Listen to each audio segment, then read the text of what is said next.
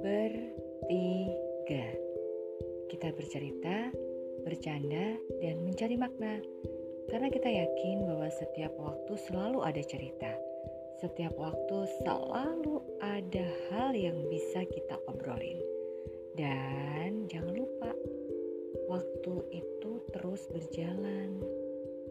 Hidup itu hanya sekali, gak ada siaran tunda dan juga gak ada siaran ulang. Jadi segala sesuatu yang terjadi dalam setiap desahan nafas itu harus kita ceritain, harus kita bagiin. Jadi bertiga, bercerita, bercanda, mencari makna.